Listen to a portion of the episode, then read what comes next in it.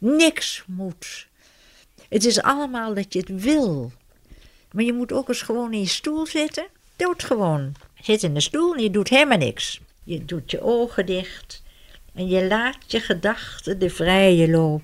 En dan na zo'n half uur vrije loop ben je herboren.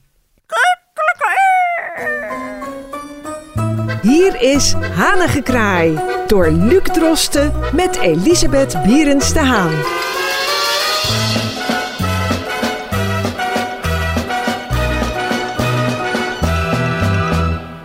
Hartelijk welkom, mijn naam is Luc Drosten en u luistert naar de eerste aflevering van Hanige Kraai, een eh, nieuwe rubriek van Amsterdam FM. En de verklaring voor deze titel zit recht tegenover mij en dat is Elisabeth Bierens de Haan Keuls, die ik uh, heel erg uh, welkom heet. Dankjewel Luc en heel plezierig dat je mij nu gaat interviewen. En ik zal mijn best doen om, om, om het goed te doen. Ja, onze bedoeling is om uh, nou ja, de Amsterdammer en iedereen die daar verder in geïnteresseerd is, uh, wekelijks een kijkje te geven in uh, nou, uw leven, uw denkwijze en allerlei onderwerpen die nou ja, zijdelings of direct te maken hebben met u, met Amsterdam, met cultuur. En dat zal vaak denk ik ook een kruisbestuiving worden van, van die onderwerpen. maar ik denk dat heel veel mensen ook zoiets hebben van Elisabeth Bierens de Haan Keuls. Die naam uh, ja, rings a bell, zal ik maar zeggen. Ja. Maar misschien kan men het niet helemaal plaatsen. Ik denk dat heel veel mensen u uh, veel, veel al kennen van uw optredens. Bijvoorbeeld bij AT5.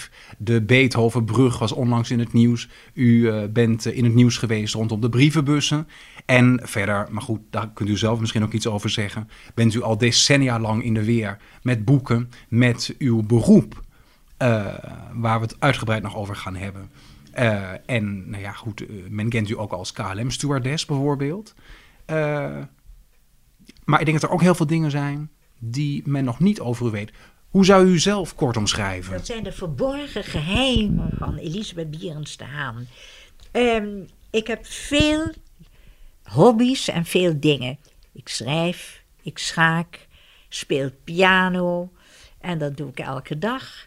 En wat je ook doet, als het een mens maar genoegen en plezier in het leven geeft en dat je er ook anderen mee kan helpen.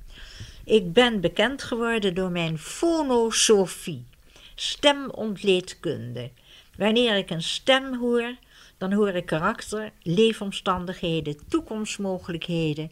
En vanuit deze drie items kan ik allerlei dingen vertellen. Dat is uh, eigenlijk iets, daar heb je het talent voor nodig om het te kunnen en ook de wil om het goed te doen. En ik ben heel veel over stemmen gaan lezen, de manier van stemgebruik. En eh, ik moet zeggen, dit doe ik eigenlijk al mijn hele leven. Dat is een deel van mij, de fonosofie. Ja. Fonei Sophia, de wijsheid van de stem. De stem is de klank uit de ziel. Volgens mij ook een term die u zelf in het leven hebt geroepen. Die heb ik in het leven geroepen. En mijn eerste boek heet Fonosofie, het geheim van de stem. En uh, de stem is een geheim, maar dat wil ik graag ontrafelen. En op basis van wat ik hoor, kan ik zeggen: hé hey, meneer, uh, u hebt last met uw voet, wat is er gebeurd? En dan komt er vanzelf een verhaal naar boven. En met deze fonosofie ben ik vaak opgetreden en treed ik nog op voor radio en televisie. Wat een behoorlijk bijzonder iets is, gezien het feit, en dat weten mensen misschien uh, niet uh, massaal, maar dat u in uw 83ste levensjaar zit uh, en dus eigenlijk ondanks die leeftijd uh, of misschien staat het geheel los van elkaar, maar dan mag u zelf uh, zo meteen toelichten, nog steeds zo actief bent. Kijk, actief en rust. Inspannen, ontspannen. Mediteren om rustig te zijn. Actie om dingen te doen. Dus mijn oog valt op iets in de buurt. Ik denk, hé, hey, wat is dat? Wat is dit voor krankzinnigs? En dan komt er een soort, ja, verbazing of een soort actie in mij. En dan hoop ik vaak dat ik dingen voor elkaar kan krijgen. Maar al deze dingen die ik opnoem, het schaken, het tekenen, het schilderen, de stemontleedkunde, zijn allemaal compartimenten, delen van mij. En die krijgen heel rustig allemaal een plaatsje zonder dat je te veel doet of zonder dat je eh, zegt van, oh, ik ben zo overbelast, dat ben ik helemaal niet. En dan kom je bij de grote filosoof uit India, Krishnamurti, the unconditioned mind. Dus als je mind niet geconditioneerd is door ik moet dit, ik moet dat. En als je dat goed kan, en daar heb ik ook veel over gelezen, dan doe je het goed. U komt over als iemand die erg, hoe zou ik het zeggen, in evenwicht is. En ik proef al iets van een spirituele kant. Wat zit daarachter?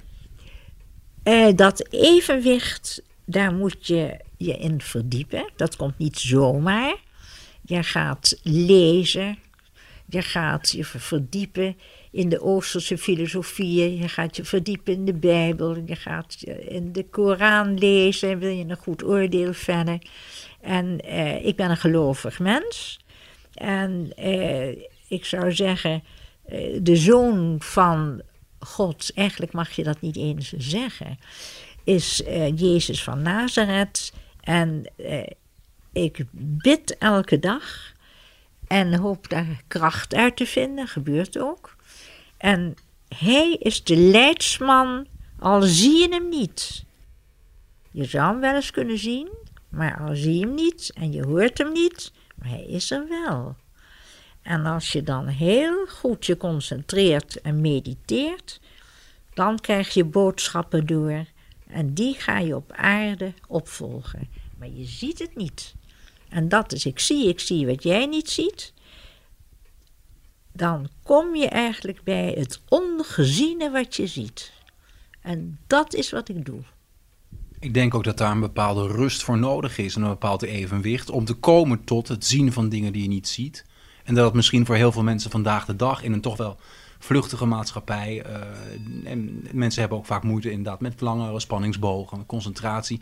Dat dat niet per se voor de hand ligt. Kijk, ik ben een oud KLM-stewardess. Ik heb zes jaar gevlogen. Je had een contract, toen moesten we eruit. Ik ging meteen trouwen, maar het was voor andere mensen vaak jammer om de KLM te verlaten. Het was een schitterende tijd in de jaren zestig. En dan merk je van, ik heb zoveel gezien. En later, toen ik uit de KLM ging met mijn man gereisd, zoveel gereisd. En dan opeens, dan komt de 60, dan komt 70 jaar, dan komt 80. En ik ben nu op een verrukkelijk punt. Ik hoef niet meer te reizen. Dat is zo verrukkelijk. Je hoeft niet meer je koffer in te pakken, je trekkoffertje. Je hoeft niet meer te denken van ik moet dit en ik moet dat. En oh ik terugkom, dan ligt er een baal mailtjes enzovoort enzovoort. Um, dat geeft een evenwicht en een rust. En ik kan met plezier kijken hoe de mieren allemaal hollen en vliegen en heen en weer. En dan zijn ze net terug uit Mallorca en dan gaan ze weer op weg naar Noorwegen. Ik mag het graag zien, maar ik reis nu in de geest. En dat is verrukkelijk. En daar hoort ook het uittreden bij. Dus je zit in je stoel, je denkt ga even naar Adelbode, wat heerlijk. Kost niks, ik treed even uit. En dan ben ik even een uurtje in Adelbode. En hups, daar ben ik weer achter mijn bureau in mijn kamer. En dat is verrukkelijk. Dat je geest even je lichaam verlaat en je geest vliegt door de ether heen. En je bent in Adelbode en je hoort die koeien met die bellen. En dat geitje wat zo leuk mekkert. En die koeien ding-gedong-gedang. En dan zit jij rustig achter je bureau. En dan na een uur of drie kwartier spring je weer terug in dat corset in je lichaam. De spirituele dingen hebben, zonder dat ik, ik zou zeggen, het overdrijf, of zonder dat uh, je het gevoel hebt, nou ja, hè, is dat nou wel allemaal mogelijk? Ik ben aan de ene kant goed op de aarde, en aan de andere kant ben ik verbonden met het hemelse, laat ik het zo zeggen. Ik denk ook dat u ernaar streeft, en die, dat, dat proef ik een beetje, om uh, ja, eh, niet alleen uh, voor uzelf in evenwicht te zijn, maar ook inderdaad gelinkt aan het geloof waar u, u het over heeft. Ook uh, ja, in het terrein te willen zijn met de omgeving, goed te willen doen voor andere mensen. Ja. Dat valt dan op die tour weer te linken aan nou ja, misschien wel het geheim van uw nou ja, onaflaatbare fitheid Namelijk het feit dat u actief blijft. U noemde aan het begin eh, eh, aanspannen, ontspannen, meen ik. Ja. Eh, Mediteren is heel belangrijk. en het vasthouden van een ritme. En het ritme. En elke avond ga ik de deur uit. En dan, natuurlijk 's morgens ook, of 's middags. Maar s'avonds, zo om een uur of kwart over negen, half tien. Dan loopt er één iemand door de straat. Je ziet verder niemand. Soms een hond, soms. Een hond met een baas. En dan In, loopt in plaats van andersom. ja, ja. en dan loop ik mijn blokje. En dan zeggen buren, moet je niet een alarm, want het is zo eng en het is zo dit. Helemaal niet. Het is doodstil en dan hoor je alleen een krekeltje die door niemand wordt gehoord. Alleen door die ene mevrouw die s'avonds een wandelingetje maakt. Want iedereen voetbalt en iedereen hockeyt en iedereen werpt speer. Alles is bezig, maar gewoon is niet bezig zijn en stil zijn en onder het lopen luisteren. En dan hoor je opeens een merel. Wat een verrukking, de stem van een merel. En dat zijn de dingen die mij fit houden. Maar ik zeg erbij: inspanning, ontspanning, lopen. Goed voor je lichaam en voor je geest. Het is bekend dat Goethe, Wolfgang Goethe, altijd in zijn tuin grote wandelingen maakte met zijn secretaris Eckerman. En dan kreeg hij de schitterendste ideeën weer voor een nieuw boek. En Eckerman schreef dat allemaal in een schrijfboekje op. Er was nog geen internet en geen mail. En eh, dat heb ik altijd in mijn gedachten. Ik loop en dan komen de mooie gedachten in me. Want het lopen, Toon Hermans zei dat ook altijd. Het lopen is een soort energiebron.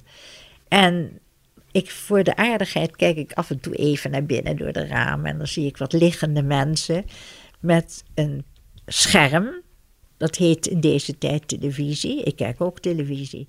Maar dan liggen ze zo'n beetje voor dat scherm, maar er gebeurt verder niks. En dan denk ik, oh mensen, denk toch eens even aan je bloedsomloop. Sta op en loop achter me aan. Want Nou. dat, dat bloed en die beweging, dat is een van de voorwaarden dat je hoopt, zeg ik, dat je nog lang fit kan blijven. Het eh, blijkt in ieder geval dat u nog steeds heel erg verbonden bent met uw omgeving Ja, ook. ja, en dat is denk ik ook eh, belangrijk, want we gaan het de komende weken uitgebreid hebben over allerlei zaken die eh, nog steeds in uw toch wel behoorlijk drukke leven spelen. Volgende week, Ja, maar je zei drukke leven. Eigenlijk voel ik dat helemaal niet druk. Ik ken iemand en die gilt de hele dag, ik heb het zo druk, ik heb het zo druk. En dan kijk ik eh, deze lieve leerlingen aan en dan zeg ik, luister nou naar Krishnamurti. Die unconditioned mind. Niks moet. Het is allemaal dat je het wil. Maar je moet ook eens gewoon in je stoel zitten. Doodgewoon. Zit in de stoel en je doet helemaal niks. En dan laat je gedachten gaan. En dan moet je eens kijken wat een prachtige beelden opeens tevoorschijn komen. kijken naar een duif op een tak buiten. Ja, kijk bijvoorbeeld. En zelfs als dat er niet is, je doet je ogen dicht en je laat je gedachten de vrije loop. En dan na zo'n half uur vrije loop ben je herboren. Nou, ik denk dat het een prachtige afsluiting is van deze eerste aflevering Ja, van. Hanige Kraai. U mag zelf trouwens nog even kort eh, de titel van dit programma uitleggen voor de mensen die het niet helemaal duidelijk hadden. Ja, je had gezegd, de titel moet een beetje een link leggen naar de naam Bierens de Haan. Dat is dus één naam. Wel, toen dacht ik, haangekraai. Dat is het. En wij zijn er volgende week weer. En dan gaan we het denk ik hebben over de huidige sierencampagne Does Lief. Want daar heeft u iets mee. Ja, daar heb ik iets mee. Ja, Nou, dan lief. Ik eh, doe erg graag lief tegen u en ik zie u graag volgende week weer terug. En ik hoop ook dat de luisteraars volgende week weer van de partij zijn voor eh, een tweede aflevering van nou, de Hanige En dat hoop ik ook. Dank je zeer, Luc. Dank u wel, mevrouw Nieuwstra. Tot volgende week. Tot volgende week.